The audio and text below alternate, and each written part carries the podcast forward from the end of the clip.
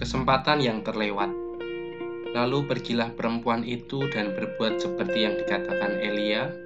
Maka perempuan itu dan dia serta anak perempuan itu mendapat makan beberapa waktu lamanya.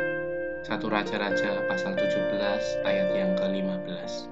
Bacaan kita hari ini terambil dari satu Raja-Raja pasal 17 ayat 7 hingga 24. Beberapa waktu yang lalu, saya dan istri melewatkan sebuah kesempatan untuk. Ketika ada seorang teman yang membutuhkan pinjaman uang, kami tidak memberikannya karena saat itu kami tidak memiliki uang lebih. Setelah kejadian itu, kami merasa bersalah sekaligus menyesal karena kami melewatkan kesempatan untuk menjadi berkat bagi orang lain.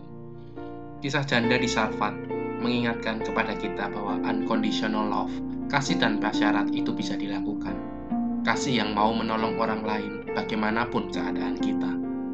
Janda di Sarfat yang tidak memiliki harta justru berhasil memanfaatkan sebuah kesempatan untuk melayani Elia. Dia tidak membiarkan kesempatan untuk menolong orang lain terlewat begitu saja. Coba bayangkan apa jadinya jika janda tersebut enggan menolong Elia. Tentu ia dan anaknya tidak akan mengalami mujizat yang Tuhan Allah berikan. Seberapa sering kesempatan kita untuk menolong orang lain terlewat begitu saja.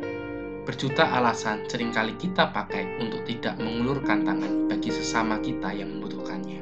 Padahal sebenarnya kita mampu melakukannya. Apa pun keadaan kita, berusahalah untuk menolong sesama yang membutuhkan.